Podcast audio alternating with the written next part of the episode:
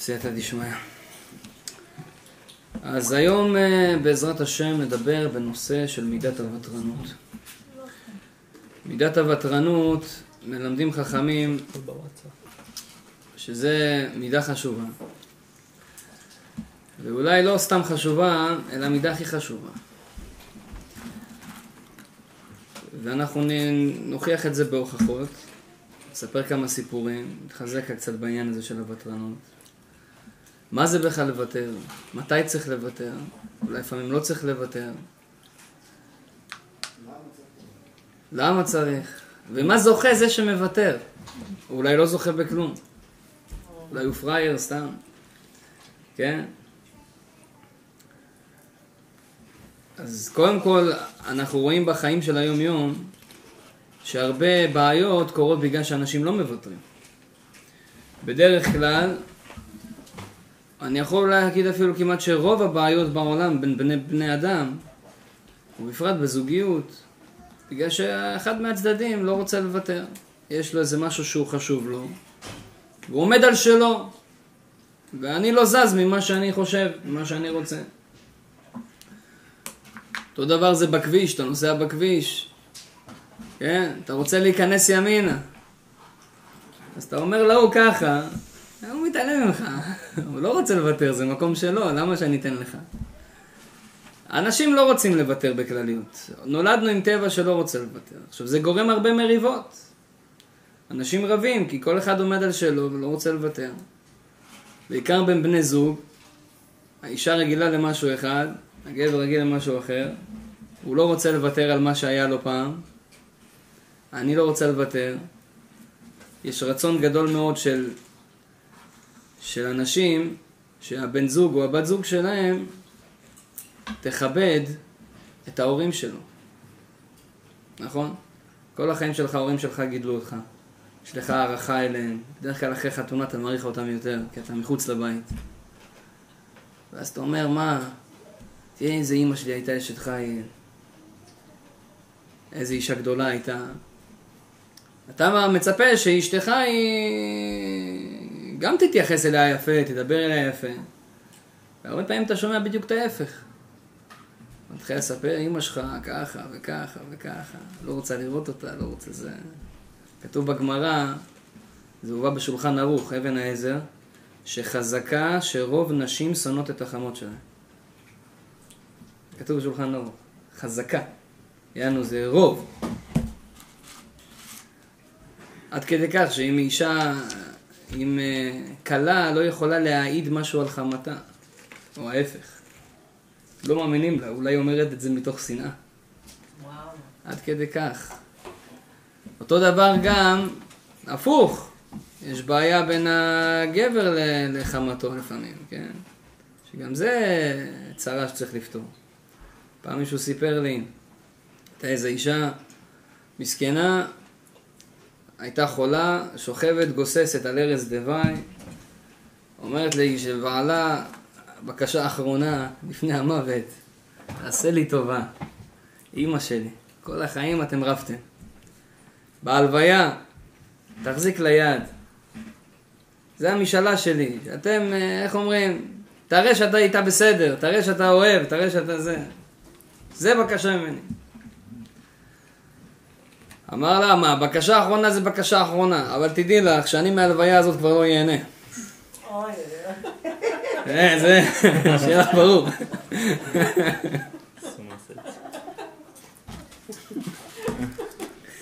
אז זה צריך לדעת שכל הריבים זה בגלל שאנשים לא מוותרים. אז בסדר. אז הוא לא כיבד את אימא שלך. אז הוא לא הלך איתה יד ביד. מה קרה? תוותר. בואו נראה מה העניין הזה של ויתור. אז קודם כל מספרים בגמרא מסכת תענית דף כ"ה עמוד ב'. אומר, אומרת הגמרא, שהיה תקופה בעם ישראל שהיה בצורת. אתם יודעים, ארץ ישראל זה ארץ היחידה בעולם, אפשר להגיד, שהגשם אצלה הוא לא תלוי באקלים, הוא לא תלוי במזג אוויר, הגשם אצלה תלוי בתפילות של עם ישראל. הקדוש ברוך הוא שם אותנו בכוונה בנקודה כזאתי של המפה, שיכול להיות שם שפע של גשמים ושלג, מצד שני יכול להיות בצורת לגמרי. והגמרא אומרת במה זה תלוי בתפילות, בבקשות. היה תקופה, תקופה של רבי עקיבא, שהיה, שהיה עוד סטודנט. טוב, הוא היה סטודנט בגיל יחסית מבוגר, 40 ומעלה. אבל היה סטודנט. הרבי שלו, רבי אליעזר בן אורקנוס, שמכונה רבי אליעזר הגדול, לא סתם קראו לו הגדול, היה איש מופת, אדם עצום וענק שבענקים. כמה סיפורים יש עליו בגמרא. הוא לימד את רבי עקיבא? הוא היה הרב של רבי עקיבא המובהק, והוא היה גם נשיא הסנהדרין. ורבי אליעזר בן אורקנוס, בתור הנשיא, רואה שכבר הרבה זמן בצורת, לובש טלית והולך להתפלל בתיבה. הולך לעמוד לפני התיבה, כל עם ישראל התאספו, עצרת, עצרת גשמים קוראים לזה. אין גשם, כל עם ישראל מתאספים במרכז איפה שהרב, והוא מתעטף בטלית ואומר אני לא זז מפה עד שיורד גשם. בתפילות ובצעקות. כל היום כולו רבי אליעזר בן אורקנוס צועק ומתפלל ושום ענן לא זז. שמיים כחולים. אז רבי עקיבא אומר, אולי אתה רוצה, התעייפת קצת, אולי אני אנסה. אני גם יכול להתפלל. אז הוא גם מנסה. ורבי עקיבא אומר, אנחנו עוד מעט נתחיל להגיד את זה באלול, אבינו מלכנו, אין לנו מלך אלא אתה. הוא תיקן את התפילה הזאת של אבינו מלכנו, שאנחנו אומרים בחודש אלול. אבינו מלכנו, עשה עמנו למען שמך. וכולי, אבינו מלכנו, אבינו מלכנו, ישר כל העננים נהיים שחורים, יורד גשם. וכולם מתחילים לדבר. הרב, כל היום כולו, מתפלל, והתלמיד, רק אבינו מלכנו הוריד גשם. מה קורה פה? התחילו לומר, וכי זה גדול מזה? מה אתה רוצה להגיד לי שהתלמיד יותר גדול מרבו? אמרו לא. כתוב שיצא שם בת קול ואמרה. לא שזה גדול מזה, אלא שזה מעביר על מידותיו, וזה אינו מעביר על מידותיו. מעביר על מידותיו בשפה שלנו זה ותרן. שזה ותרן, וזה לא ותרן. זאת אומרת באמת רבי אליעזר בן אורקינוס היה גדול יותר מרבי עקיבא בתורה. מה זה גדול ולא מטרה?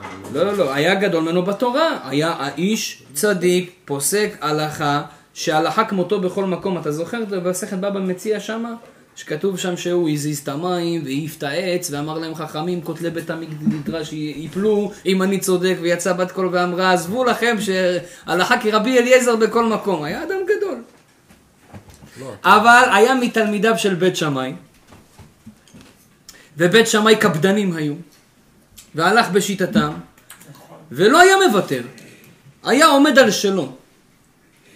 זה מידה שהיה לו אף על פי שבגמרא במסכת בירושלמי כתוב, זה כנראה לקראת סוף חייו, כתוב שם שפעם אחת הוא הלך ברחוב, ואיזו אישה זרקה את הזבל, ובטעות היא לא פגעה נכון, והיא זרקה את זה עליו.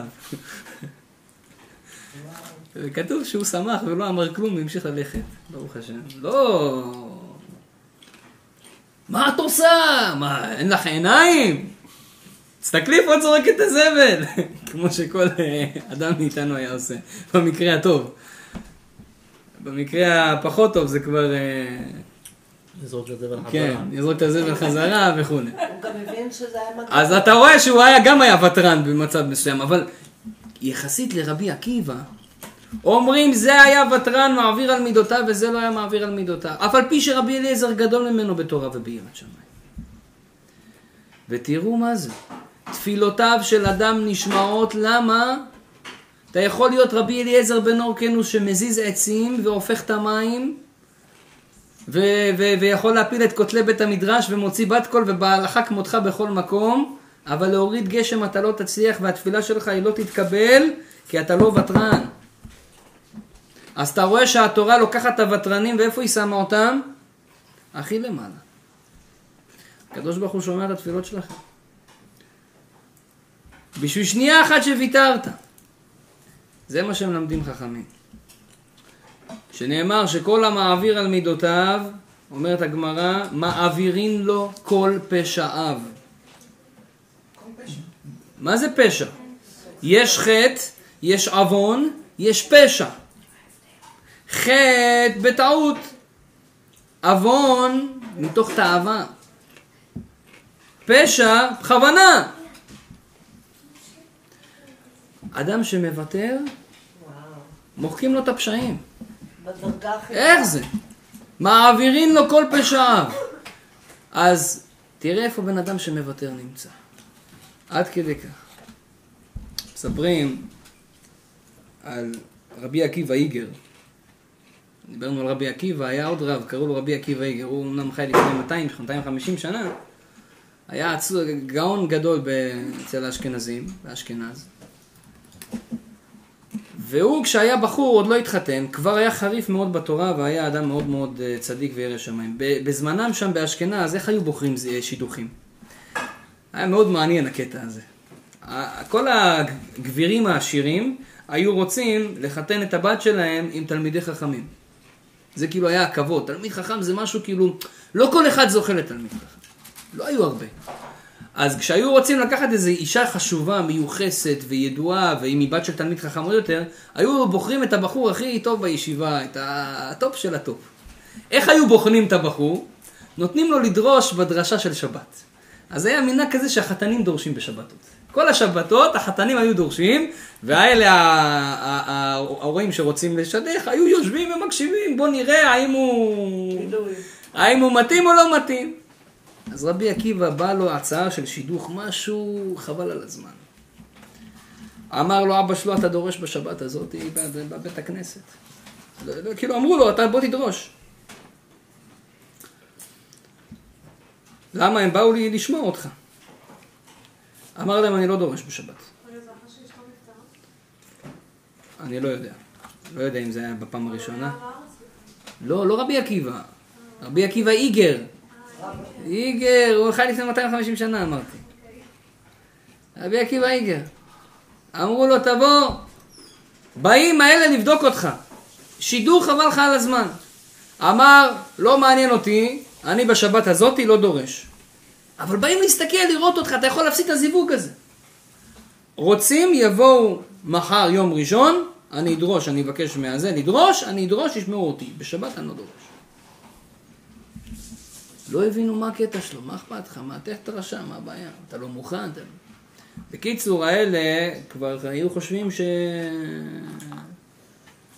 בן אדם לא רציני, כנראה הוא לא מוכן מספיק, הוא לא יכול ככה בספונטניות להביא דרשה. הוא יכל לאבד את השידוך הזה. בסופו של דבר אנשים הגיעו ביום ראשון והוא דרש ושמעו אותו וברוך השם הוא התחתן עם הבחורה אבל אז שאלו אותו, תגיד לי, מה היה הבעיה שלך לדרשה של שבת? מה? באו בשבילך בשבת, יכלו אחרי זה לעזוב ולא, ולא לשמוע אותך, הייתי יכול לפספס את השידוך הזה. אמר להם אחד מהחברים שלי בישיבה בשבת הזאת, גם הוא היה לו דרשה. שהיה צריך לדרוש בבית הכנסת, כי גם אצלו באו לבחון אותו. ואני יודע שאם אני אתן דרשה, ואחר כך ישבו את הדרשה שלי לדרשה שלו, אין סיכוי שיקבלו אותו בכלל.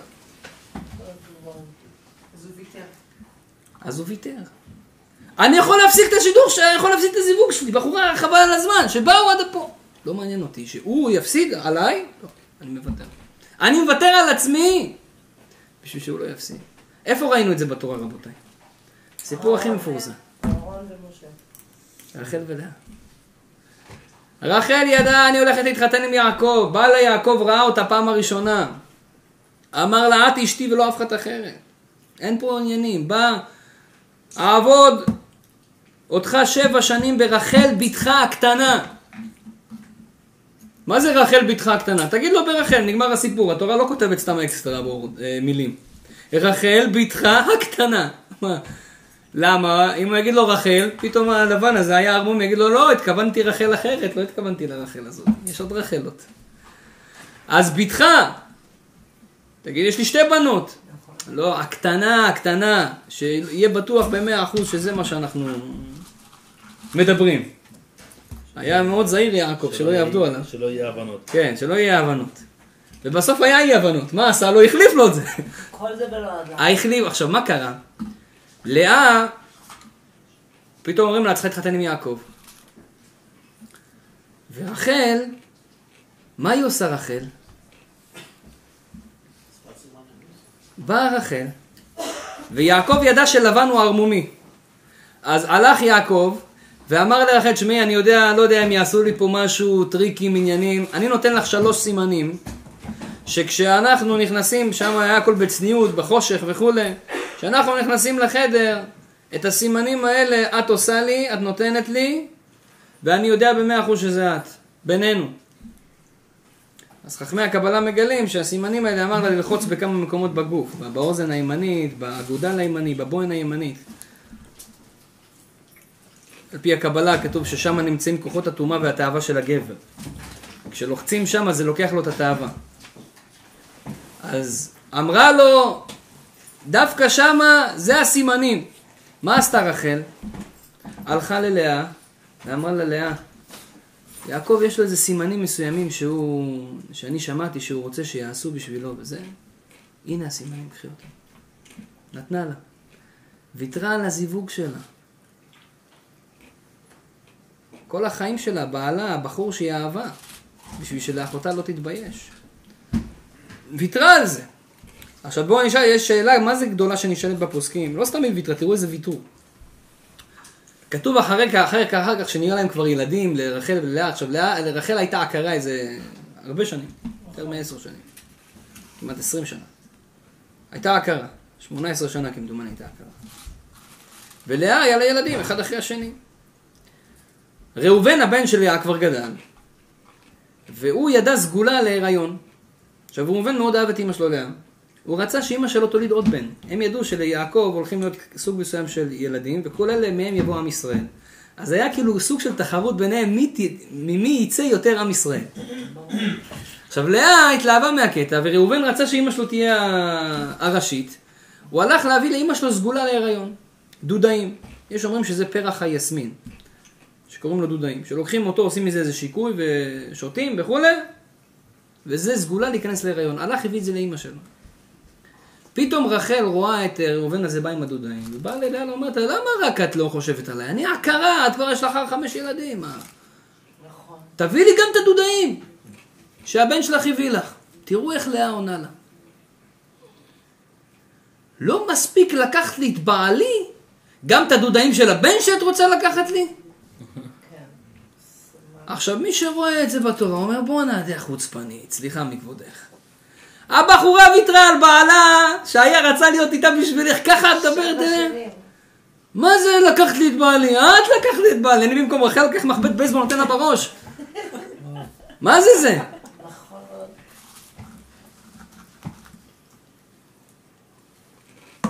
אז כל המפרשים לא מבינים באמת, מה, לאה הייתה צדיקה, איך היא תדבר ככה? אלא תראו מה קרה. לאה בכלל לא ידעה שרחל מיועדת ליעקב. רחל נתנה ללאה כזאת הרגשה שיעקב בכלל לא שלי, הוא שלך. היא לא סתם ויתרה לה, היא ויתרה לה ואפילו לא הראתה לה שאני מוותרת. הוא שלך בכלל. היא עשתה את הכל שהיא בכלל לא תבין שהיא ויתרה. תראו איזה סוג של ויתור. ומה קיבלה על זה רחל? אתם יודעים שעכשיו אנחנו בגלות, אבל בעזרת השם כולנו מאמינים שנחזור לארץ ישראל ונהיה בגאולה ויהיה, בית המקדש ומשיח וכולי. וכל העמים יבינו שעם ישראל זה עם, עם, עם סגולה והקדוש ברוך הוא איתנו. אבל כבר אלפיים שנה של גלות.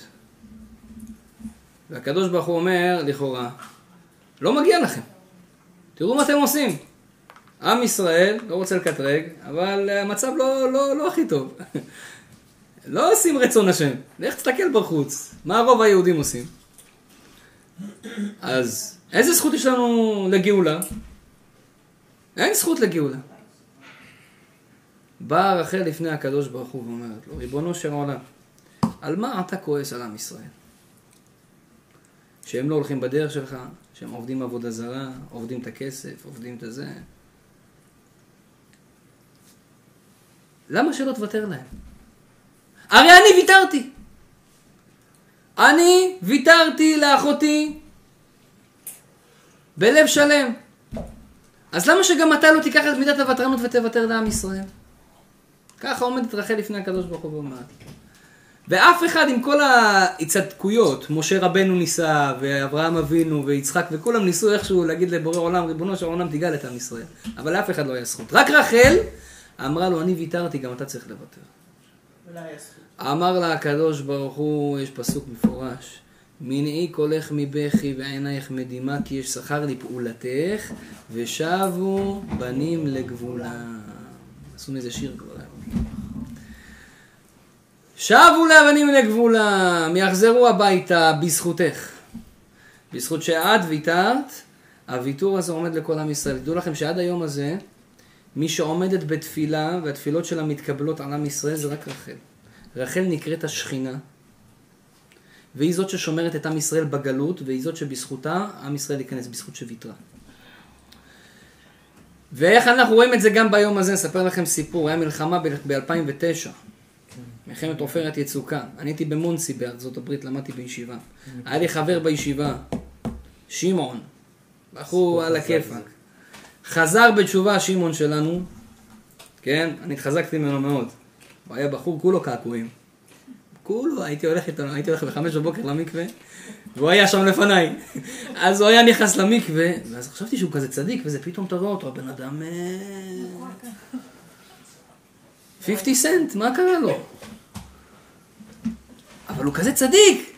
מה לעשות, היה עבר, עבר, עבר. בכל מקרה, אז ההוא, יום אחד ב-2009, היה מלחמת עופרת יצוקה. אנחנו יושבים בישיבה, מתפעלים על עם ישראל וזה. יום אחד אני קורא אותו בטלפון, היה לנו במטבח טלפון, מדבר בטלפון.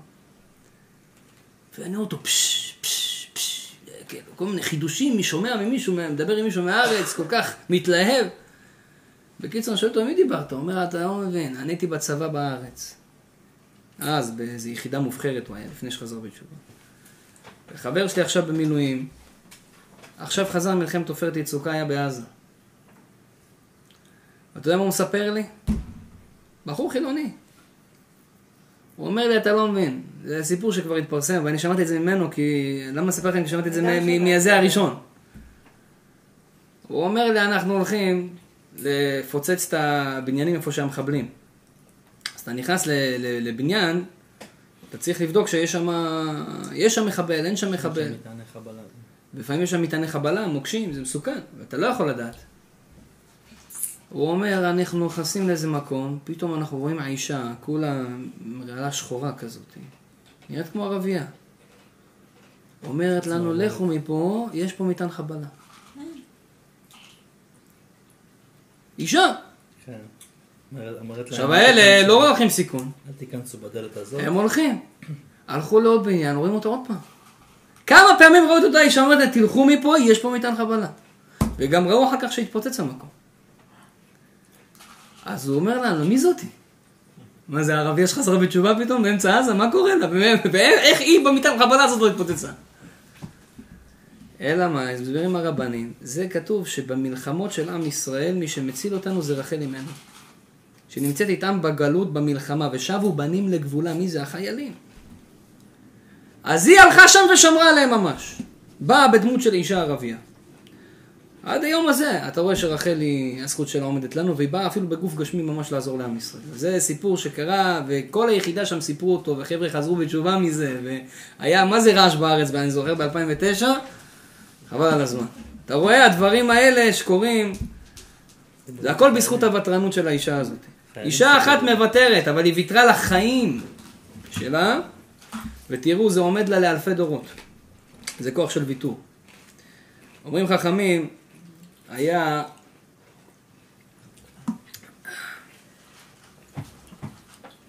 שמעתי את זה מהרב אלי מנצור. הרב שלו, קראו לו הרב ברוך בן חיים. והוא היה בניו יורק שם. אתם יודעים, לאשכנזים יש להם מנהג, גם הספרדים נוהגים בזה. יש להם מנהג שבשבוע שאדם שנפטר אבא שלו, אימא שלו, באותו שבת, אז הוא עולה עליית מפטיר. וכתוב בספרי קבלה שעליית מפטיר היא עושה נחת רוח ל... ל... למת. זאת אומרת שהבן יעלה עליית מפטיר בשביל, זה ממש כמו, כמו קדיש, יותר חזק אפילו אומרים. ואנשים ממש אה, רוצים את זה. כל בן אדם רוצה לעשות את המקסימום בשביל ההורים שלו שנמצאים בעולם הבא. והוא תמיד בשבת מסוימת היה מעלה איזה איש מסוים, הרב היה מחליט מי עולה איזה עלייה.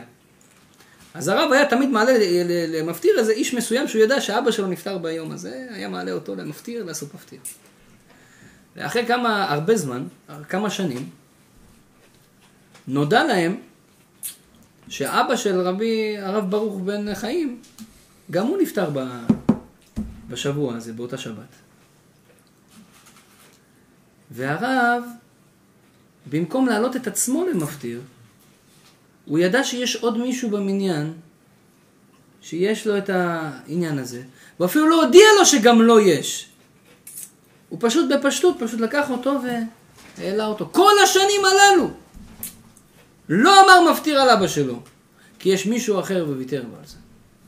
ויתר לו, אנשים חושבים שלוותר צריך רק בדברים פיזיים גשמיים. לוותר גם צריך במצוות. יש הרבה אנשים, זה אחד הבעיות של הדור שלנו גם. רבים על מצוות. אדם יושב, רוצה לעלייה מסוימת, לעלייה לתורה. אה, לקח לי את העלייה, לקח לי את הזה, מתחילים לריב, מתחילים... זה. ברוך השם, זה לא אצלנו, אבל יש מקומות כאלה. אצל האשכנזים נוהגים לעלות חזן. בש, בשבוע שאבא נפטר או אמא נפטרה, נוהגים לעלות חזן. אני אעלה חזן, הוא יעלה חזן. אומר הרב אליעזר פפו, אומר לו, תשמע, זה שאתה תוותר, זה יעשה פי מיליון יותר נחת רוח לאבא שלך, מזה שאתה תעלה חזן. וההוא לא יהיה מבסוט. אדרבה, תגיד, אני אוותר. הוויתור זה הדבר הגדול ביותר. תוריד את עצמך. מה קרה? תגיד לי שבבית כנסת אומרים קניות לעלייה. צריך לוותר או לקחת? זה, דרך אגב, זה אחד הסיבות שאנחנו עושים כזה. כדי לוותר? לא. אה, זה אחד הסיבות שהספרדים נהגו למכור את העליות. למה מוכרים את העליות? אנשים אומרים, מה, ביזנס. אה, נכון, גם צריך להחזיק את הבית כנסת איכשהו. אבל אחת הסיבות למה מוכרים עליות, זה כי אם לא נמכור עליות, יהיה ריבים. למה דווקא בחרת אותו לעלות לעלייה הזאת ולא אותו? עליית עשרת הדיברות, כולם רוצים לעלות. עלייה של ברכת כהנים, כולם. רוצים לעלות, מרגישים. הרב בא ובוחר דווקא מישהו מסוים, זה יעשה מחלוקות. אה, אתה אוהב, משפחה שלך, החבר שלך, התורם, הזה, הבגלות. שלא יהיה מחלוקות, מי שנותן יותר יעלה בבקשה. אבל זה לא בסדר. אבל אם אתה יודע, ואתה יושב, ואתה יודע שיש פה מישהו שמאוד רוצה, ואתה יודע שהמצב הכספי שלו הוא... על הפנים. על הפנים. אז יש לך שתי אפשרויות, או שפשוט תוותר לו שהוא יקנה, או שיש אפילו יותר צדיקים שקונים ונותנים לו לעלות. נכון. מכבדים, בדיוק. אני הייתי בבית הכנסת בארץ ישראל, שכל האנשים שהיו קונים שם, כולם כיבדו. אני אהבתי את הבית הכנסת הזה. נכון. בתל אביב ישבתי, וכל העליות שאנשים קונים, הוא זורק, אה, ולא סתם כסף, זורקים כסף, כסף, זורקים, אומרים 100, 200, 300 שקל, והוא מכבד את זה, והוא מכבד את זה, והוא מכבד את זה, והוא מכבד את זה, זה אהבת ישראל, למה לא? נכון. ככה עושים. זה מה שלומדים אותנו ככה. איי איי רבותיי, כתוב בספרים הקדושים, תראו מי זה הרבנים שלנו. הלל הזקן, הוא היה גר בבבל. הלל בשמאי, הלל הזקן, היה גר בבבל. למד אצל שמעיה ואבטליון. בגיל 40 עלה לארץ. בארץ ישבו בני בתרא, הם היו הנשיאים, והם היו מחליטים את כל ההחלטות. היה להם בלגן אחד, שפעם אחת נפל ערב פסח בשבת. זאת אומרת, י"ג בניסן נפל בשבת. זה קורה פעם בהמון שנים.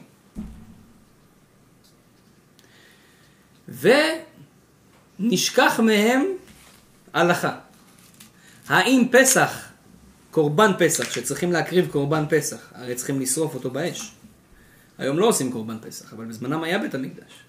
האם קורבן פסח דוחה את השבת, כמו ברית מילה למשל, או דברים מסוימים, או לא דוחה את השבת? לא ידעו, כי זה כל כך קורה פעם בכל כך הרבה זמן, נדיר. ולא היו בטוחים, והיה כאלה שרוצים להגיד ככה, וכאלה שרוצים, והיה מחלוקת גדולה ולא יודעים.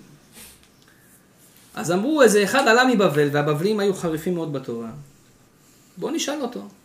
באו להלל, אמרו לו, תשמע, תגיד, אתה יודע בזה? בא להם הלל, התחיל לדרוש, טה טה טה טה טה, מסביר להם את כל העניינים. פתאום רואים איזה גאון עצום. תקשיבו טוב, בני בתרא יושבים על כיסא הנשיאות. קמים מהכיסא, אומרים לו, בוא הלל, בכבוד, אתה הנשיא הבא. ככה הוא נהיה נשיא. איפה זה היום תראה את זה בכנסת? איפה? הם הורגים אחד את השני בשביל להיות נשיא. משפילים אחד את השני. מה זה עם ישראל? זה מידת הוותרנות. אני ראיתי שהוא יותר חכם, אז אני לא מגיע לי לשבת. אז בוא תשב אתה. זהו, בפשטות. אתה יותר חכם, אז אני אפס. אני יודע להוריד את עצמי. וזה מעלה, זה גדולה, משבחים אותם על זה. ישיבת פורת יוסף בארץ ישראל. הישיבת פורת יוסף זה הישיבה המרכזית של הספרדים בארץ ישראל מול הכותל, לא יודע מי ראה את זה שם. כן. עכשיו הראש ישיבה זה הרב שלום היה כהן. לפניו היה הראש ישיבה, הראש ישיבה העתיק, בוא נגיד ככה, אולי גם אחד הראשונים, היה הרב עזרא עטיה. הוא היה ראש ישיבה של הרב עובדיה יוסף כשהוא למד שם, הרב בן ציון בשלום. הוא היה הרב עזרא עטיה, הוא היה ראש ישיבה הגדול. הוא נפטר, והיו שתי מועמדים שכולם הבינו שרק הם יכולים להיות במקומו. אחד זה היה הרב יהודה צדקה, ואחד זה היה הרב בן ציון אבא שאול. סיפרתי לך את זה, נכון? אז שתיהם היו מועמדים. עכשיו הרב יהודה צדקה יותר מבוגר.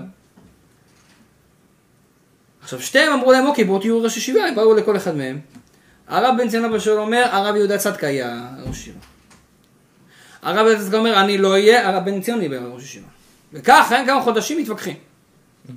אין בינתיים ראש ישיבה.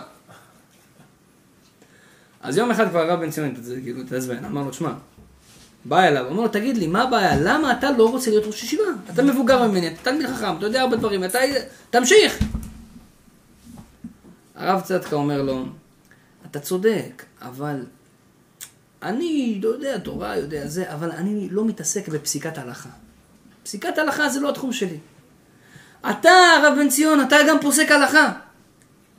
אז לא יודע, לא מתאים לאדם שלא פוסק הלכה להיות ראש ישיבה, לכן אני חושב שאתה יותר מתאים להיות ראש ישיבה. אז הרב בן ציון אומר לו, אה, אני פוסק הלכה? אז אני פוסק שאתה תהיה ראש ישיבה. וככה הוא נהיה ראש ישיבה. וככה הוא נהיה ראש ישיבה. אבל מה הקדוש ברוך הוא עשה? הרב צדקה חוצן ב-1991 הוא נפטר. ובמקומו היה חייב כבר להיות הרב בן ציון אבא שלו. זאת אומרת, גם, גם הוא קיבל, אתה ויתרת. אז כמה זמן הוא היה? אבל היה מספיק, ברוך השם. יותר מעשר שנים. אתה ויתרת, אל תחשוב שאתה לא תקבל. אתה תקבל את זה בסוף, אולי תקבל גם יותר טוב. אבל תראו מה זה חכמי ישראל. לא מחפשים את המעמד, לא מחפשים את האדרבה. איפה הוויתור פה? מי שמוותר הוא הגבר פה. הוא, הוא זה שיוצא יוצא צדיק. אז זה המעשה איתם. אבל יש שאלה גדולה רבותיי. אז בזוגיות מי שמוותר הוא גבר. ומי שלא הוא גברת. אדרבה, זה זכות לוותר. חייבים לוותר. זה לא חייבים, לא. יש, יש זה, זה שינוי בהשקפה. יש בן אדם אומר, נו מה, אני חייב לוותר, מה אני אעשה? חייב, אני מוותר. הוא לא מוותר בלב שלם. אדרבה, זה זכות לוותר. אני רוצה לוותר. תתני לי לוותר, בבקשה, תתני לי לוותר, אני רוצה לוותר. כן, אבל אם אתה לא יכול... או, אז זה לעבוד על זה. עכשיו, קודם כל אנחנו צריכים להבין את השורש. בואו נראה את השורש ועל הבעיה. בשביל זה התכנסנו פה היום, נכון? למה קשה לנו לוותר? בטם ליין. מה הבעיה? למה בן אדם לא יכול? מה קשה? זיכרונות. אז אחד הסיבות, אני אגיד לכם את האמת, זה, זה. זה קודם כל, נכון, אבל נגיע לזה עוד מעט, זה, קודם כל זה הג'נריישן שלנו, הדור שלנו. חושב שהוא צודק. בדור שלנו, רבותיי, לימדו אותנו דברים לא נכונים. מה מלמדים אותנו? אתן לכם דוגמה. כל מקום שאתה הולך, אתה רואה פלקטים גדולים, מה הזכויות שלך? What's your rights? יש לך זכות של זה, ויש לך זכות של זה, ויש לך זכות להגיד ככה, ויש לך זכות לעשות ככה, ואף אחד לא יכול להגיד לך משהו אחר. יש לך זכויות בעולם, ותדע מה הזכויות שלך. כן? זכות האישה, זכות הגבר, זכות הילד, זכות המורה, זכות, כל הזכות, זכות, זכות, זכות. זכויות התלמיד, זכויות יוצרים. זכויות הכלב גם יש. לכל אחד יש זכויות בעולם הזה, וזה בסדר. היום בדורנו הדבר הזה קיבל התעצמות רצינית. בכל מקום אתה מחפש את הזכות שלך. את העמדה שלך, איפה אני צודק ואיפה הזכות שלי לעשות מה שאני חושב. זכות הביטוי. ובגלל שלימדו אותנו את כל הדבר הזה, לחפש את הזכויות שלך זה בדיוק ההפך של לוותר. לחפש את הזכויות שלך זה איפה אני צודק פה. ואחרים טועים. איפה אני הוא הנכון, וכמה אני יכול לעמוד על שלי. כי יש לי זכות, הממשלה מאחוריי. וזה, אנחנו חונכנו בעולם כזה, אז בתוך הדם שלנו, ויתור זה, בפרט אם גדלנו בארצות מסוימות, ואני לא אזכיר את שמם, ששם האדם שמוותר הוא נקרא פראייר. הוא נקרא כאילו, מה אתה מסכן? תעמוד על שלך. תעשה בלאגן, יש לנו... כן. אני, אני זוכר בתור ילד, לימדו אותנו, אם אתה לא עושה רעש ובלאגן, לא תקבל כלום בחיים. כן? סיפרתי לכם פעם על הבחור ההוא, שהלך לבית חולים, ואשתו ילדה. אז באו ואמרו לו, מזל טוב משה, אשתך ילדה בת. אמר להם איזה בת? לקח כיסא, זרק, בום. לי אין בת. אף אחד לא יגיד לי שלי נולדה בת. אין לי בת. חייב להיות לי בן. עשה שם רעש, צעקות, בלאגנים, הם הלכו, חזרו מסכנים, נבהלו אנשים שם בבית החולים, נכנסו, באמת ראו שעשו טעות, נולד לו בן. אמרו לו, סליחה, משה, נולד לך בן. ההוא נרגע, מסתובב, אומר לחבר'ה שם ליד, אתם רואים, אתה לא עושה בלאגן במדינה הזאת, שום דבר לא הולך.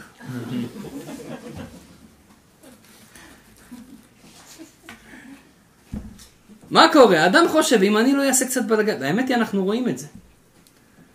אתה הולך לאיזה מקום, לא נותנים לך לעבור בתור, אתה עושה קצת בלאגן, הופה, השתחלת, הלכת. אז אתה רואה, זה עובד. לא צריך להיות לוותר, אל תוותר, תעמוד על שלך, אתה תצליח. ובגלל זה יש יצר הרע גדול להיות חוצפן ולעמוד על שלנו. לפעמים זה טוב. מתי? כתוב למשל, לא הביישן למד, אדם צריך להיות, לא לוותר בלימוד תורה. עם ישראל הם לא אנשים ותרנים בטבע שלנו. בוא נגיד אתה לומד משהו, קשה לך, טוב נו די. לא, אל תוותר, תמשיך. אל תתייאש. פה כן צריך שיהיה לנו מידת, הו- שלא יהיה לנו מידת הוותרון, לא לוותר בקלות. אבל לוותר לאחרים?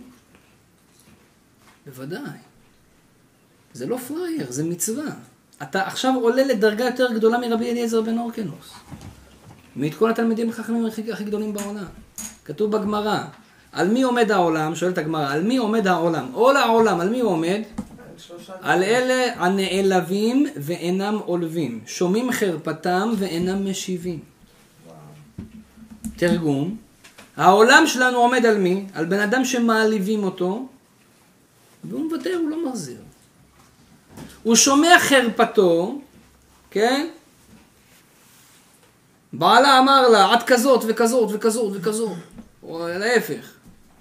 והיא שומעת ומקבלת, ולא עכשיו מתחילה לענות לו מה הוא. מה שבדרך כלל אנחנו עושים. שומע ואומר נכון, אני מוותר, צודקת, בסדר, קיבלתי, שמעתי ולא משיב. עליו העולם עומד. העולם עומד על הבן אדם הזה. תקבל ממנו עכשיו ברכה, היא תתקיים. הוא צדיק יסוד עולם. אדם כזה הוא צדיק. אנחנו חושבים, תראו, החידה כותב, בגלל זה אומרים. העולם עומד על כלום. כן. כן, על כלום. על בלימה, על אדם שעושה את עצמו כלום. לא, אבל אני מתכוון שאין אנשים כאלה הרבה. אני רוצה לשאול אותך משהו. כן, אם לדוגמה יש ריליישנשיפ בין גבר לאישה, ואני לא מדברת על עצמי במקרה, כן, כן, וזו מערכת יחסים אה, מאוד קשה, נניח אפילו זוג נשוי, ואחד מהצדדים מתנהג בצורה ממש ממש ממש לא טובה, נניח הגבר. אז מה, האישה צריכה לוותר? זאת אומרת. אני מדברת פה כבר שזה מגיע לרמות, אתה יודע, ש- אם האדם עושה איסורים, אם אדם עושה איסור, מייסר את האישה שלו. אם אדם עושה לא איסורים, אם אדם עושה איסור. דברים שהם אסורים, בוודאי שאין לך פה מה לוותר, אתה צריך לפתור את הבעיה, כן? אדם לא יכול לראות, אה, חס ושלום, אני אומר לך דוגמה קיצונית, כן? גבר מכה את הילדים שלו והאישה מוותרת. מה זה הדבר הזה? ואם הגבר מכה את האישה? גם! מה זה מוותרת? על מה יש לך לוותר? פה זה דברים שצריכים להבין, פה, אני מדבר איתכם על הדברים הפשוטים והיומיומיים שקורים לכולנו, שאני רוצה ללכת שבת לפה והיא רוצה ללכת שבת לשם. אני רוצה לאכול ביום בערב ככה והיא רוצה לאכול משהו אחר. אני רוצה לקנות אוטו עקורה והיא רוצה לקסוס. אז מה עושים? באים זה אליי? אה? קונים אינפיניט. אתה יודע מה, אתה תשים מקדימה סמל של לקסוס, מאחורה סמל של עקורה, ונהיה לה עקורה לקסוס. לא, על זה אני מדבר, על המצבים האלה של היומיומיים שהוא רוצה דגים והיא רוצה כלב, והוא רוצה זה והוא רוצה זה, הוא רוצה בית בשכונה כזאת והיא רוצה בית בשכונה אחרת. אז על זה, על זה אנחנו מדברים. פה אתה תהיה גבר. אבל דברים שזה איסורים שהקדוש ברוך הוא אוסר לעשות. הגבר שמכה את אשתו, אישה שמכה את בעלה, שזה גם זה קורה היום, כן? אה, אה, אה, כתוב על זה דברים מאוד חמורים בתורה. אז זה דבר שהוא אסור, פה אתה לא יכול לוותר, פה אתה מוותר, פה אתה- הקדוש ברוך הוא לא מוותר. אתה צריך להיות עם השם. אבל אני מדבר איתך בדברים הפשוטים שצריך לוותר בהם, ש- שה- ה- ה- ה- האגו שלך, הנוחות שלך פה עכשיו מפריעה לך, אתה רוצה מה שנוח, מה, ש, מה שטוב לך. והצד השני זה לא נוח לך. אז תוריד את עצמך. החידה, רבי חיים יוסף דוד אזולאי, יש לו ספר מדבר קדמות. שם הוא כותב על כל מיני מידות. כשהוא מגיע למידת הוותרנות, תראו מה הוא כותב. ותרנות, מסיטרא דקדושה. סיטרא זה צד, קדושה. הוא אומר, ותרנות זה אדם שהוא מצד הקדושה. תשימו לב טוב, הוא לא סתם כותב את המשפט הקצר הזה. אנחנו, כשאתה אומר מישהו קדוש, מה אתה חושב? אני אגיד לך מה אני חושב. בן אדם אחד, קדוש. קדוש ראו זאת, טובל במקווה. הוא אה, עושה צומות. הוא, הוא לומד תורה כל היום. הוא ל, ל, משתדל, אתה יודע, להתקדש, וכל הזמן תפילין ועניינים, ו... ו... דבר, זה קדוש! לא מסתכל על נשים, לא עושה זה, הוא אדם קדוש. החידה אומר לך לא. אתה יודע מה זה קדוש? קודם כל, ותרנות מסיתרא דקדושה. האדם שיודע לוותר הוא קדוש. זה תחילת היהדות, זה תחילת הקדושה. אתה יכול להיות צם כל החיים שלך, טובל במקווה כל היום, אתה לא יודע לוותר, אתה לא קדוש. זה החידה, פסק את ההלכה.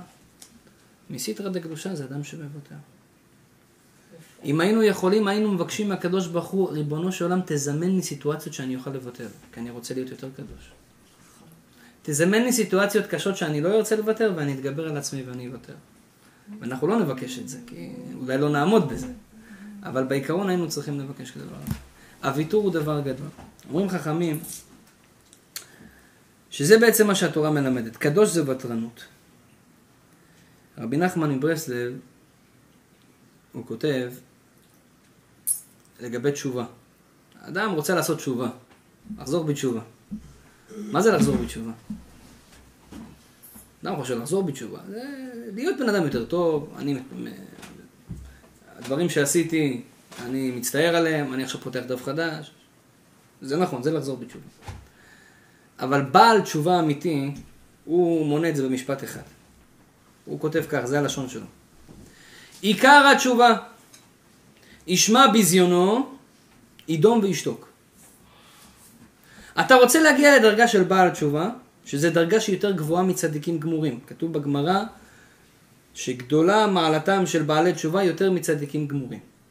אתה רוצה להיות בעל תשובה? בעל תשובה זה אדם שישמע ביזיונו, שומע שאומרים לו דברים לא נוחים לו, שלא כמו שהוא רוצה, שזה אפילו מבזה אותו, משפיל אותו, ומה הוא עושה?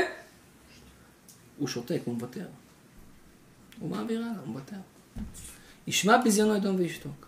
וכמה הדבר הזה הוא פרקטי לחיים שלנו, וזה בדיוק הפך המחשבה שלנו. שיש גברים שחושבים, אני יעמוד על שלי, אני אחנך אותה.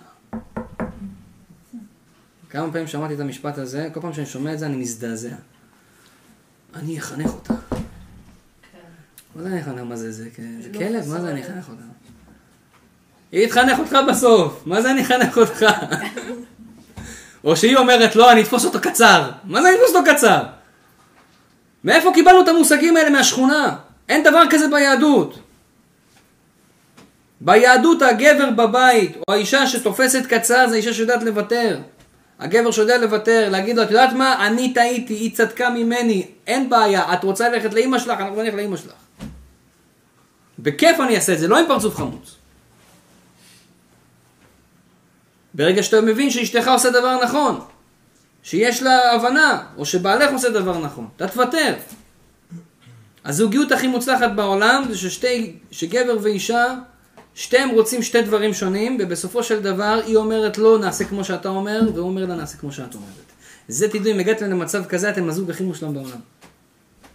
זה זוג יונים, נקרא. אבל כמעט אין דבר כזה. כמעט לא מצוי. בדרך כלל אני רוצה עם הנוחות שלי והיא רוצה עם הנוחות שלה, אבל תדעו לכם, אדרבה, אנחנו יהודים, אנחנו צריכים להיות כאלה. ובהתחלה אתה יכול לעשות את זה בקושי ויהיה לך קשה, אבל לאט לאט זה... איך אומרים? לאט לאט זה, זה, זה יהפוך להיות חלק ממך. איך אומרים? אני עם אשתי אף פעם לא מתווכחים, כי היא תמיד צודקת. כן. תגיד, אני אומרת את המילה האחרונה בבית. כן. אז איך מגיעים לוותרנות, רבותיי? אנשים שואלים, איך אנחנו מגיעים לוותרנות? טוב, דיברת יפה, איזה יופי זה ותרנות, וכל הכבוד לצדיקים, ונכון, הבנו גם למה אנחנו לא מוותרים, כי ככה חינכו אותנו וככה העולם בנוי וכולנו לא רוצים להיות פראיירים. אוקיי. תכלס, איך אני עובד על זה? איך אני נהיה ותרן? קשה לי, הלב שלי לא מסכים לוותר, אני רוצה להישאר בנוחות שלי. במה תלויה הוותרנות? פה אנחנו מגיעים למה שאת אמרת, לענווה. אדם שיודע להשפיל את האגו שלו, את הגאווה שלו, ומגיע למצב של ענווה, רק הוא יכול לוותר. תדע לך, אדם שהוא לא מוותר זה אומר שיש לו אגו. אדם שלא מוותר הוא בעל גאווה. אדם שיודע תמיד לוותר, הוא ענב. ככה תדעו בבית שלכם, מי שיותר מוותר הוא יותר ענב. זה, זה כלל, זה חוק. ומי שפחות מוותר הוא יותר גאה, הוא יותר גאוותן. אתה לא יכול להתחמק מזה, זה מה שזה. כי בעצם הוותרנות היא תוצאה של ענווה, אני יודע להשפיל את עצמי. אני יודע, לה... אפילו שאני רוצה ואני צודק, אני יודע להשפיל את עצמי, אני ענב.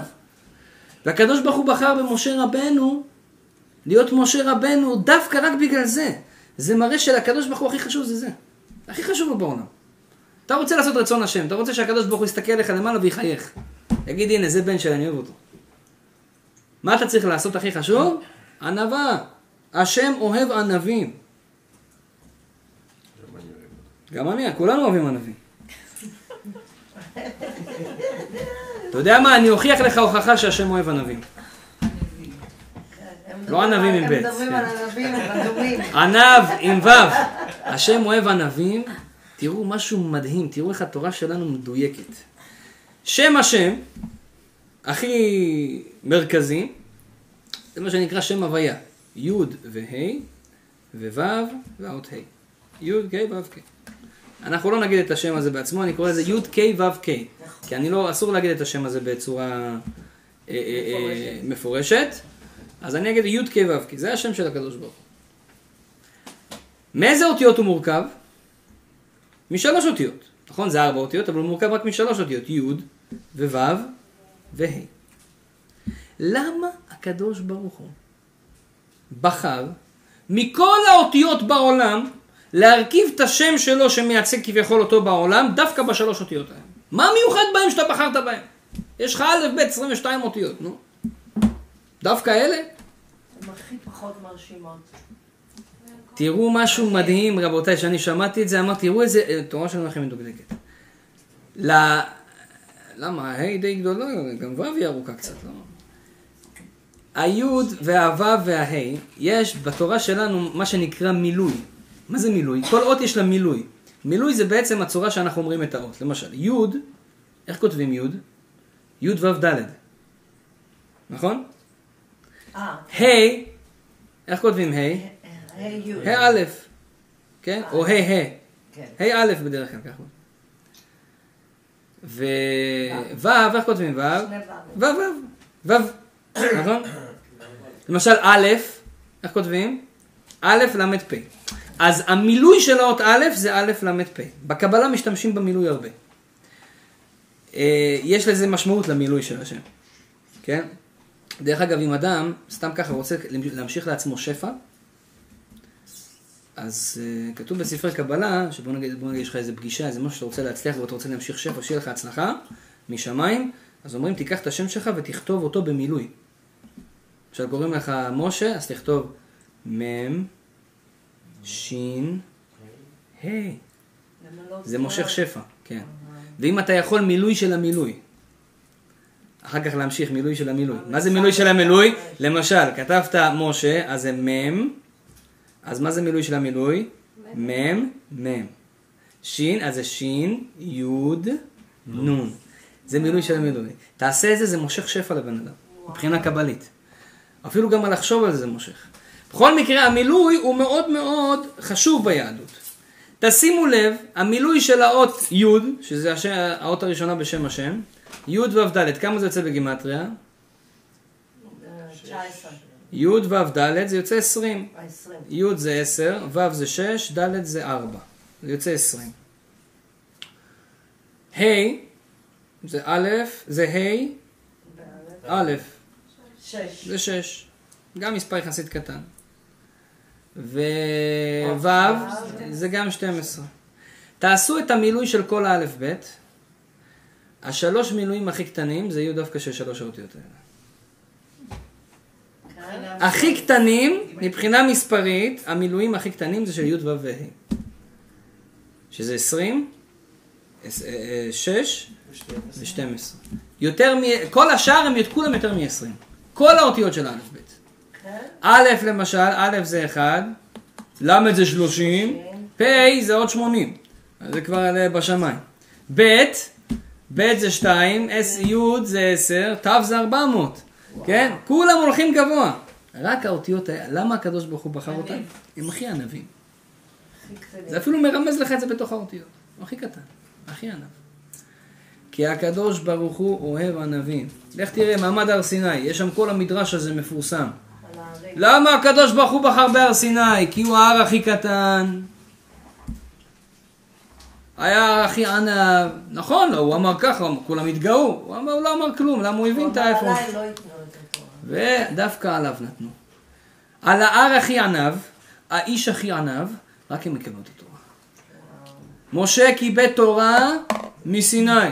לא נכון, היה צריך לכתוב, משה קיבל תורה מהקדוש ברוך הוא. למה מתחיל המשנה, משה קיבל תורה מסיני וכי סיני נתן לו את התורה? אלא מה? לומר לך שאתה מתחיל פרקי אבות, שזה עבודת המידות, איזה מידה אתה צריך להתחיל? אתה צריך להבין שכל התורה, אתה צריך לקבל אותה מסיני, ממידת הענווה של הר סיני. אם אין לך ענווה, כל התורה שלך לא, לא, לא יצליח. כל העבודת המידות שלך זה לא יצליח, זה לא יתחיל בכלל. אתה צריך לקבל תורה מסיני. אז זה מה שאומרים חכמים. הקדוש ברוך הוא רבותיי, כשהתחיל את התורה שלנו, כתב בספר בראשית פסוק שעשה בלגן בכל ההיסטוריה. כל האנשים הכופרים, היה להם בעיה עם הפסוק הזה. מה זה הפסוק? אפילו, לא יודע אם הוא היה כופר, אבל אפילו ראש הממשלה הראשון בן גוריון, היה לו בעיה גדולה עם הפסוק הזה, עד כדי כך שהוא קרא לרב, לרב ישראל לאו, שהיה הרב הראשי לישראל, הוא קרא לו עד אליו לשדה בוקר שמה, שיפרש לו את הפסוק הזה. כי הוא לא הבין אותו. מה כתוב בפסוק? הקדוש ברוך הוא ברא את העולם, ולפני שהוא בורא את האדם ביום השישי, פתאום יש פסוק מוזר שאומר כך. אומר השם, נעשה אדם בצלמנו כדמותנו. לבורא עולם כביכול בא הרעיון לברוא את הבן אדם.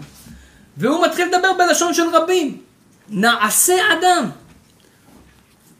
פה באו אנשים, ולכאורה היו אומרים, רגע, רגע, אז יכול להיות שיש שתי אלוקים, מה זה נעשה? עם מי אתה מדבר פה? מה זה נעשה? אתם שתיים? מלאכים. או, אז רש"י אומר, שנתייעץ עם המלאכים.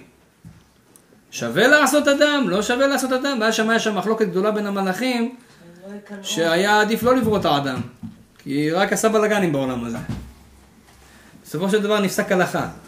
היה עדיף לאדם שלא נברא מאשר נברא. אבל עכשיו שנברא, שלפחות יעשה מצוות ומעשים טובים. אבל היה, מה פתאום הקדוש ברוך הוא מתייעץ עם המלאכים? אתה צריך עצה?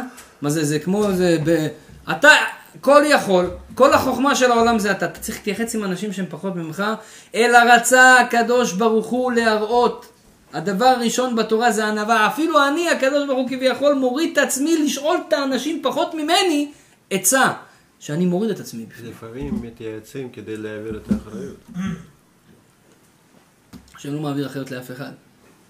לא, יש את זה. כן, נכון, נכון. גם ידע ש... אבל עצה, אבל אומר רש"י שמה, הסיבה שהוא עשה את זה, להראות ענווה. השם מראה, הנה אני ענב. אני גם מראה לכם דוגמה אישית. בלי דוגמה אישית שום דבר לא עובד. אתה יכול לדבר על ענווה כמה שאתה רוצה. אם אתה רוצה שהילדים שלך יקבלו את זה בבית, כמו הקדוש ברוך הוא, אתה צריך להראות להם את זה בפועל. אז זה הדבר הראשון. אם אדם רוצה באמת באמת להצליח, באמת באמת להיות ותרן, הוא חייב קודם כל לעבוד על האגו שלו, להיות ענב.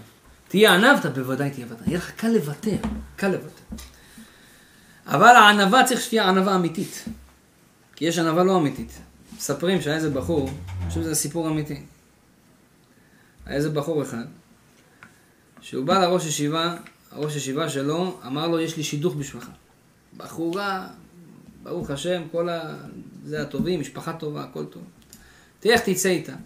יצא איתה, אחר כך הראש ישיבה שואל, נו, הלך, מתאים? אומר לו הבחור, תשמע, בחורה טובה, יפה וזה, נראית אה, כמו שאני רוצה והכל, אבל יש לי בעיה, היא... אני בחור למדן, אני יודע דברים, והיא לא כל כך למדנית. לא מתאים לי בחורה שלא ברמה שלי. לא ברמה שלי פשוט. ראש ישיבה הסתכל עליו. עכשיו לעצמו, מה זה בחורה זה חברותא בישיבה? ואמר לה, איפה הענווה שלך? תצטדיק. אני למדן. אמר לו, תשמע נשמה, אני חושב שאתה עדיין לא מוכן לשידוכים האלה. תשאר קצת, כמה חודשים בישיבה, תעבוד על מידת הענווה. התלמיד קיבל את העצה של הראש ישיבה, התחיל לעבוד על מידת הענווה. לקח ספר מוסר, וש, וש, וש, ענווה. אחרי כמה זמן אומר לו, הרב, עבדתי על מידת הענווה. אני יכול לצאת לשידוכים? אז הוא אומר לו, תשמע, אין בעיה, עבדת? בסדר. בוא נביא את הבחורה ההיא עוד פעם. נראה עכשיו אם היא מתאימה לך. אמר לו, לא, לא, כבוד הרב, אני לא יכול לצאת. אומר לו, למה? אומר לו, מה? אז היא לא התאימה לי, כי היא לא הייתה ברמה שלי. עכשיו אני עוד ענב, אתה חושב שתהיה ברמה שלי? בכלל היא רחוקה ממני. זה מה שנקרא ענווה, שבאמת. אדם שהוא ענב, שהוא חושב שהוא ענב, זה, זה, זה לא ענב. אז זה צריך להבין שתהיה ענווה אמיתית. כן, לא להגיד, מה, אני ענב. ענב זה באמת ענב. משה רבנו, רבותיי, איך אנחנו יודעים שענווה ולוותר זה קרוב אחד לשני? איך, איך אנחנו יודעים שזה קשור? משה רבנו, הקדוש ברוך הוא אמר עליו, ענב מכל אדם אשר על פני אדם. ושהקדוש ברוך הוא בא למשה ואומר לו, משה חבובו, אני רוצה שאתה תקבל על עצמך להיות הלידר של עם ישראל שמוציא אותם ממצרים, ואתה תהיה האיש הכי גדול בהיסטוריה. הכי גדול בהיסטוריה. כן, פעם הייתה איזה מורה ששאלה את התלמידים שלה, מי היה הבן אדם הכי מפורסם בהיסטוריה? הכי גדול בהיסטוריה. מורה נוצרית. אז היה שם איזה רבינוביץ' אחד, בכיתה. אז אף אחד לא מצביע, אף אחד לא יודע. אז המורה, איזה שיעור של בייבל. אז כולם יודעים מה המורה רוצה לשמוע. מי היה הבן אדם הכי גדול בהיסטוריה. אז מצביע רבינוביץ', כן? אה, לפני זה, סליחה, מצביעים אנשים אחרים. אז אחד אומר שם איינשטיין, אחד אומר שם ליאונרדו דה וינצ'י. לא, לא, לא. פתאום הוא מצביע. יהודי. אז הוא אומר לה, ישו. וואלה, יפה, כל הכבוד, אתה צדקת. אז אחרי זה היא שואלת אותו רבינוביץ', אתה יהודי, אתה באמת חושב שישו הוא הדמות הכי זה בהיסטוריה? כן? אה, האמת היא, סליחה, לא אמרתי לכם את כל הפרטים. היא הציעה למי שיודע איזשהו פרס. כן? הציעה לו איזה פרס. אז הוא קיבל את הפרס, ואז היא אומרת לו, מה, אתה באמת חושב שישו הוא האדם הכי גדול? הוא אומר, לא, לא, בינינו אנחנו יודעים שמשה רבנו יותר גדול מכולם, אבל business זה business, אין מה לעשות. משה רבנו, הוא היה הכי גדול. אף אחד לא יכול להתווכח על זה שבהיסטוריה היה בן אדם יותר גדול ממשה. אין לא דבר כזה. גם. גם המו- גם הנוצרים יגידו לך משה. וגם היהודי, וגם המוסלמים, יש להם את מוסא, שזה משה. כולם מאמינים במשה. 95% מהאוכלוסייה מבינים שמשה היה הבן אדם הכי גדול שהשפיע בהיסטוריה הכי הרבה. הקדוש ברוך הוא בא אליו ואומר לו, בוא אתה תהיה זה. תראה איך הקדוש ברוך הוא אומר לך דבר כזה. בוא אתה תהיה משיח. וואלה, אומר יאללה, לו, בוא, בוא. הוא אומר לו, למה אני? אה, מה אומר לו? לא רק שאומר לו מה למה אני. הוא אומר לו, יש לי אח שקוראים לו אהרון. והוא גדול ממני, אה, אני יודע שהוא ייעלב, אני חושב ככה, אז תיתן לו. אתה מוכן לוותר לאח שלך? נותנים לך עכשיו ג'וב, אתה מוכן לוותר לאח שלך? זה מגיע רק מצד ענווה. ג'וב של manager. רק מצד ענווה רבותיי, אני רוצה לספר לכם סיפור שאותי זה זעזע, זה סיפור אמיתי שקרה בארץ ישראל.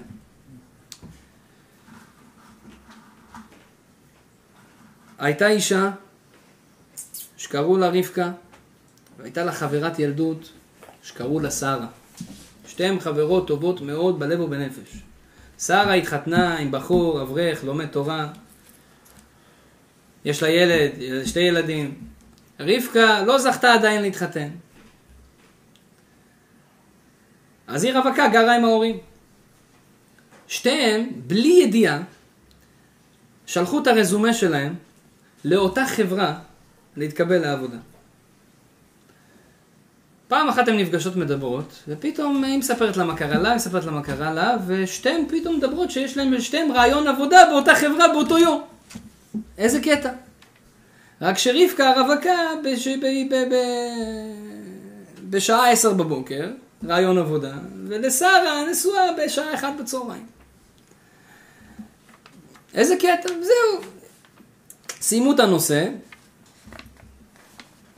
אותו יום מגיע, רבקה באה ב-10 בבוקר, יושבת הבוס, יושב הבוס ואשתו, שגם היא כנראה מנהלת את הדברים שם בחברה, ומתחילים לבדוק אותה.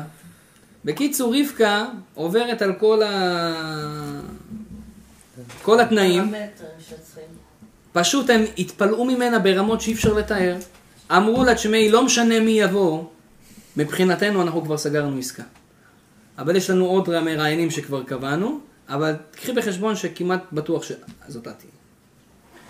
אז הם כבר סגרו איתה כל מיני תנאים, ואמרו להם, יש לך איזה שהם בקשות בשביל העבודה, את יכולה, או איזה שהם תנאים שאת רוצה, כן, שיהיה לך, שחשובים לך, את יכולה להגיד את זה עכשיו.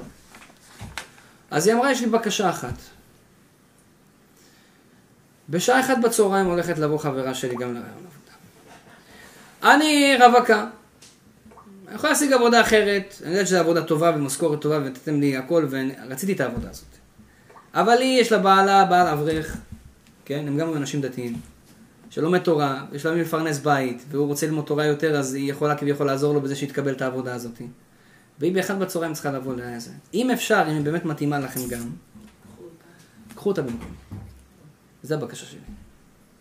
עכשיו, האישה והזה, כאילו, קיבלו חום. מה נסגר איתך? אנשים רוצים את העבודות האלה, כאילו, זה משהו, מציאה. את צריכה פרנסה. מוותרת את זה לחברה שלך? טוב. אמרו לה, תשמעי, אנחנו נבדוק אותה, נראה. באה זאתי שרה, לא אמרו לה כלום. אה, בדקו אותה. היא הייתה קצת פחות מתאימה מרבקה, אבל לשמור על כבודה של רבקה זה גם מתאים, אפשר, גם קיבלו אותה.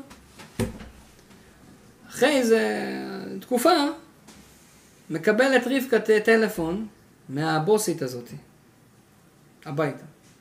מה נשמע? וזה, אני רוצה להיפגש איתך. עכשיו רבקה ישר כאילו, מה, אולי שרה לא עובדת טוב וזה, כאילו, הרגישה להרגיש לא טוב בשבילה. היא אומרת, לא, לא, היא עובדת מצוין, אני רוצה לדבר איתך משהו אישי. טוב, היא באה אליה, מדברת איתה. אומרת לה, שמעי, אני לא יוצא לי מהראש את המעשה שעשית. ובאותו רגע, אני חשבתי שיש לי בן, והוא גם בחור מושלם מבחינתי, ואני פשוט חשבתי שאני רוצה שיהיה לו כלה כזאת. אז אני לא יודע, אולי תנסו. אז היא אמרה, טוב, אני עכשיו לא יוצאת עם אף אחד, אני אנסה להכיר. הם הכירו ואהבו, והתחתנו. והיא קיבלה חצי אחוז מהחברה הזאת, בגלל שעכשיו היא הבת של. נכון. הבן. ונהייתה מנהלת. אז אתה רואה, אומרים חכמים, ויתור, תהפוך את האותיות יותר. תהפוך את האותיות. ויתור זה יותר. מי שמוותר, מקבל בסוף יותר ממה שהיה צריך לקבל אם לא היה מוותר. זה מה שאומרים חכמים. אל תחשוב שהוויתור יבוא נגדך, עכשיו אתה תוותר משהו אחד, ואחר כך בסוף אתה תיפול. אדרבה, זה ייתן לך יותר בחיים. אז יש עניין, לא בעולם הבא, בעולם הזה. רק עכשיו אתה לא רואה את זה. אתה יכול זה עוד שנה, עוד שנתיים. אתה רוצה לספר לך סיפור מזעזע? היה בשואה, ישיבה באזור של אשכנז שם, איפה שהיה את השואה. בישיבה, בזמנם, לא היה בתים מסודרים כמו שהיום יש מקום מגורים לבחורים בישיבה. הבחורים היו צריכים לדאוג לעצמם, לדבר עם האנשים בקהילה, שהוא יארח אותו והוא ייתן לו מקום לישון, וביום כזה, בשבת הוא נמצא אצל ההוא, וביום ראשון הוא אוכל אצל ההוא. ככה זה היה. והיה מאוד קשה לסדר לעצמך זה. אם לא, אתה ישן בחוץ. אשן. כן, ואתה אוכל, לפעמים אין לך ארוחה, אין לך איפה לאכול ארוחה. אתה לא יכול ליפול על בן אדם אחד. אז כל אחד היה צריך איכשהו בקהילה לסדר לעצמו. אז כל בחור ישיבה חדש, היו אומרים לו, תשמע, תנסה לדבר עם הבעלי בתים ולסדר לעצמך חיים. היה שם איזה אחד, חיים קראו לו. הוא כבר היה מסודר אצל כל ה... את. כל הבעלי, כבר שם, יש כמה שנים שם, כבר היה לו מקום בשבת מסודר, היה לו אוכל, הכל היה לו מסודר, כל יום ויום schedule שלו. איפה הוא יושן, איפה הוא אוכל, איפה הוא הכל. הגיע בן אדם חדש לישיבה, אבל לא סתם בן אדם, בן אדם עיוור. בחור ישיבה עיוור. הסתכל על החיים הזה ואמר, רגע, רגע, אני עד שהצלחתי, לקח לי תקופה, לא היה לי קל. הוא, יש לו את הדפקט הזה של העיוורון, יהיה לו מאוד קשה לה, לה, להסתדר, זה קשה מאוד התנאים פה. החליט לעשות מצווה,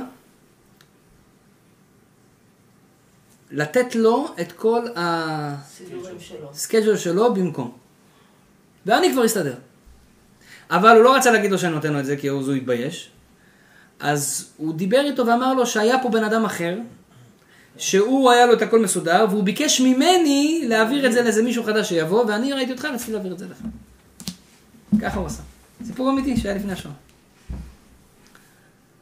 וככה הוא באמת עשה, והוא בעצמו לא הצליח להשיג לו מקום. אז הוא היה צריך לישון בבית מדרש, איפה שלומדים. עכשיו, הוא לא רצה שאנשים יגדלו ויקלטו שהוא ישן בבית מדרש ואז ישאלו ואז ידעו ואז הוא יגלה ואז הוא יתבייש. אז הוא היה הולך לישון, היה מחכה, היה לומד עד שהבן אדם האחרון יוצא מבית המדרש בלילה.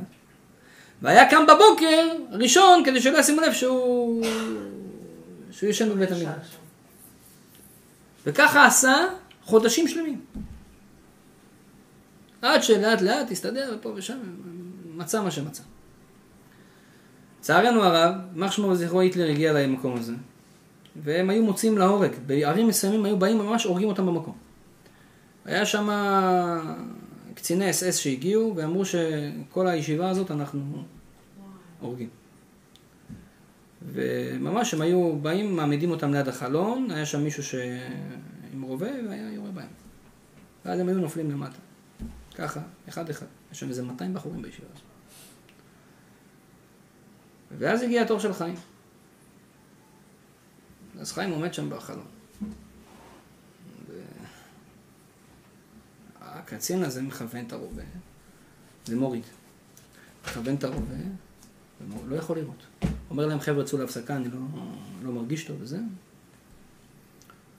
הם הורידו את הבחורי ישיבה, ניגש הקצין אס הזה לבחור הזה שהוא ראה, אמר לו, תשמע, אני לא... אני לא יכול לראות בך, אתה פשוט דומה שתי טיפות מים לבן שלי. אני לא מסוגל. אבל אם הם יקלטו את זה, שאני לא, בך. כן, יהיה לי בלאגן. אז עכשיו אתה עולה למעלה בחזרה. אני אראה שתי יריות למעלה, ואתה תעשה כאילו אתה נופל. תיפול על הערימה של כל הגופות. וככה הוא עשה. והוא היחיד שיצא משם בחיים. היחיד. ואז אחרי כמה שנים הוא עלה לארץ, וזה, אז הוא שאל את עצמו כאילו, מה הזכות שהיה לי שנשארתי בחיים? והוא לא הבין מה עשיתי מיוחד בחיים שלי כזה, ש, ש, ש, שזכיתי לעניין הזה. והוא הגיע למסקנה שבזכות הוויתור הזה, שאני ויתרתי על החיים שלי, קיבלת חיים. אני קיבלתי את החיים שלי.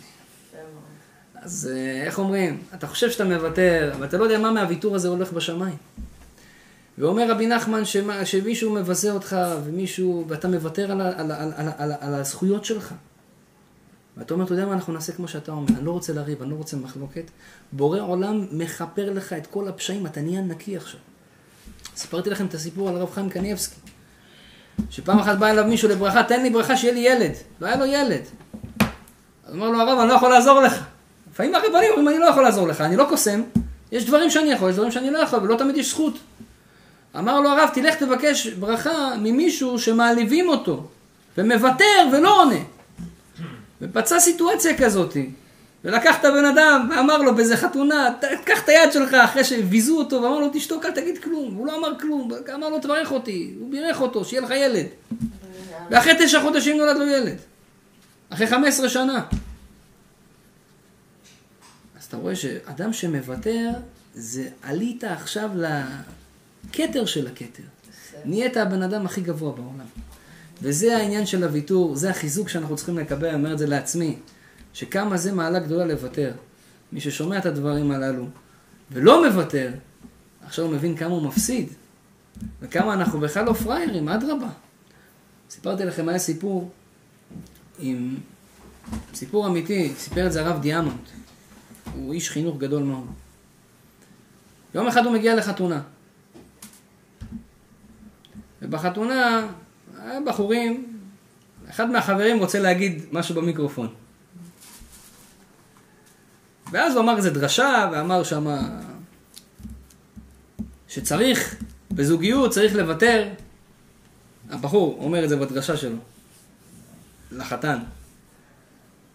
אבל, צריך לדעת שיש גבול. ככה אמר הבחור. מה הכוונה? שאם אתה יושב על השולחן, ואשתך יושבת על השולחן, ואז אתם שתיכם עייפים, ושתיכם חזרתם מיום עבודה, ושתיכם צמאים, והיא אומרת לך, ואתם רחוקים מהמקרר אותו סכום של פסיעות, והיא אומרת לך, בעלי, תעשה לי טובה, תביא לי מיץ תפוזים מהמקרר. אז הוא אומר, זה כבר לא אהבה, זה כבר פראייריות. ככה הוא אמר. מה זה? הוא אמר שזה פראייריות. מה הכוונה? זה ניצול. והרב דיאמון ששמע את המעיינים האלה,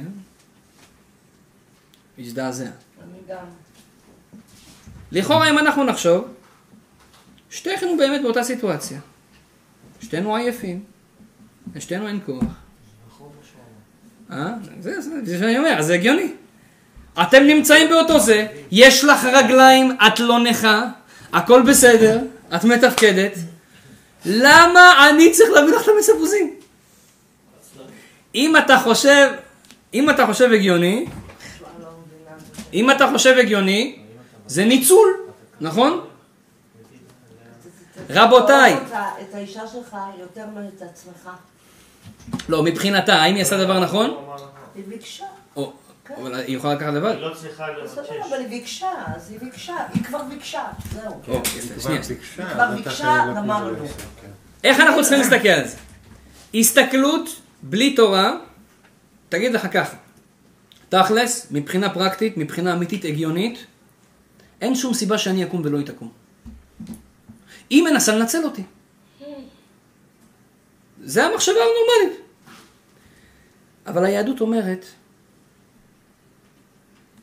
להיות מנוצל בעניינים כאלה, זה נקרא חסד. נכון. בעצם המילה חסד, במילים אחרות זה ניצלו אותך. עשית משהו ואתה לא מקבל מזה כלום. עזרת למישהו ולא קיבלת מזה כלום. והחסד הכי גדול זה, יש חסד שאתה עוזר למישהו שבאמת לא יכול. אדם לא יכול לעשות שום דבר, אז אתה עוזר לו. אדם אומר לך, שמע, אני לא מבין באינסטלציה, תבוא תעזור לי, תקן לי משהו בבית. עשית חסד, כי הוא לא יכול לעשות את זה. אבל אתה יודע מה זה החסד הכי גדול? שהבן אדם השני גם יכול לעשות את זה. וזה חידוש של היהודים.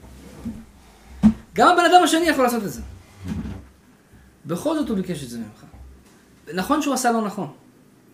כי זה לא פייר. למה אתה רוצה ש... אתה גם יכול. למה אתה מבקש מאחרים? אתה עצלן? אבל אתה צריך להסתכל על זה בקטע של... זה חסד של אמת. בדיוק. זה חסד אמיתי, וזה ויתור אמיתי. ולמי זה רק אתה יכול לעשות דבר כזה? זה מה שנקרא ואהבת לרעך כמוך. האם היה לך עכשיו נעים שאשתך תקום ותביא מיץ תפוזים, נכון? היית רוצה את זה? בטח שהייתי רוצה. אני לא רוצה לקום, הייתי רוצה שהיא תקום. ואהבת לרעך כמוך. אז אם אתה אוהב אותה כמו שאתה אוהב את עצמך, אז תביא לה את זה. בדיוק. או ההפך, את תביא לו את זה. אז ואהבת לרעך כמוך הכוונה שאני עושה לבן אדם חסד גם כשהוא יכול לעשות את זה לבד. אני מוותר מהנוחיות שלי, אני מוותר מהקרד, מה, מה, מהרצון שלי, אני מוותר מהתאווה שלי בשביל הבן אדם השני. וזה מה שמראה אהבה אמיתית, וזה מה שמקשר בין בני זוג. אם יש ויתור בין בני זוג, הבני זוג האלה בחיים לא יוכלו להיפרד אחד מהשני. אבל אם אין ויתור בין בני זוג, אז אה, איך אומרים, אהבה ממבט ראשון, גט ממבט שני. ככה שמעתי פעם. מה ששלי, שלך, מה ששלך, שלך. כן, אז יש שלוש, יש שלוש דרגות בזה. יש שלי, שלי, שלך, כן, רשע, צדיק ובינוני לכאורה, אבל זה לא בטוח, הגמרא אומרת ככה, יש אדם שאומר, שלי שלי, שלך שלי, זה רשע. יש אחד אומר, שלי שלי, שלך שלך. יש אומרים זה בינוני, ויש אומרים זו מידת סדום. שתי דעות בגמרא. נכון. כן? כי הסדום היה כאילו, אני אל תקרב זה שלי, זה שלך. זה לא מידת יהדות, ברור. זה מידת סדום. שלי, ש- שלך, שלך, ושלי, שלך, זה צדיק. הכל נותן לאחרים. בטם ליין של כל החיים, רבותיי. תכלית החיים בעולם. הקדוש ברוך הוא ברא את האדם עם הרצון לקחת כל הזמן. מה שאני רוצה זה מה שיהיה בבית. מה שאני חושב זה מה שנכון. מה שלי יותר נוח ללכת או לעשות זה מה שנעשה. זה רצון האדם, ככה הטבע שלנו, ככה נבראנו. בשביל מה הגענו לעולם? הקדוש ברוך הוא אומר, אני הבאתי אותך לעולם הזה בשביל סיבה אחת. להפוך מלהיות מקבל ללהיות נותן. זאת אומרת, במקום לרצות לעשות מה שנוח לך, לחשוב מה נוח עכשיו לאחרים. מה, לא אכפת לי מעצמי, מה נוח לאחרים. במקום לחשוב עכשיו איך אני מרצה את עצמי, איך אני מרצה את אשתי. אבל, כלל אחרון להיום, אמר לי הרב דיאמנט גם, דבר גדול. הרבה פעמים אנחנו מעירים לבני זוג שלנו. בדרך כלל כשאנחנו מעירים להם, אנחנו מעירים להם בעניינים של רוחניות. מה הכוונה?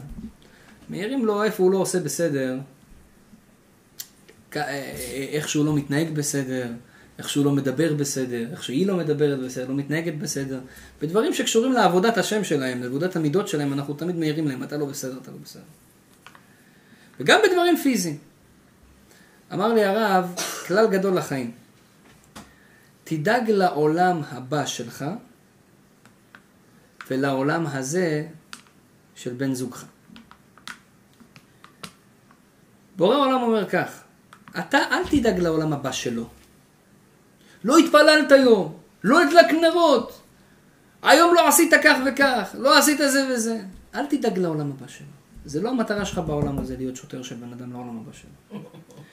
תדאג לעולם הזה שלו. תדאג ל... אכלת מספיק היום? שתית היום בכלל? אה, אה, אה, יש לך בגדים ללבוש? יש לך מישהו שיסיע אותך? יש לך מישהו שישמור על הילדים? תדאג לעולם הבא שלך, איך שאתה תהיה צדיק, ולעולם הזה של בן זוגך. זה בעזרת השם, מעלת הוויתור, על זה אפשר לדבר עוד 80 שנה, וגם זה לא יספיק. אבל בקצת הזה שדיברנו היום, אולי קצת הבנו קודם כל שוויתור זה אותיות יותר, שצריכים לדעת שכמו רחל, וכמו הסיפור שסיפרתי לכם, כולם בסוף מקבלים יותר מהוויתור.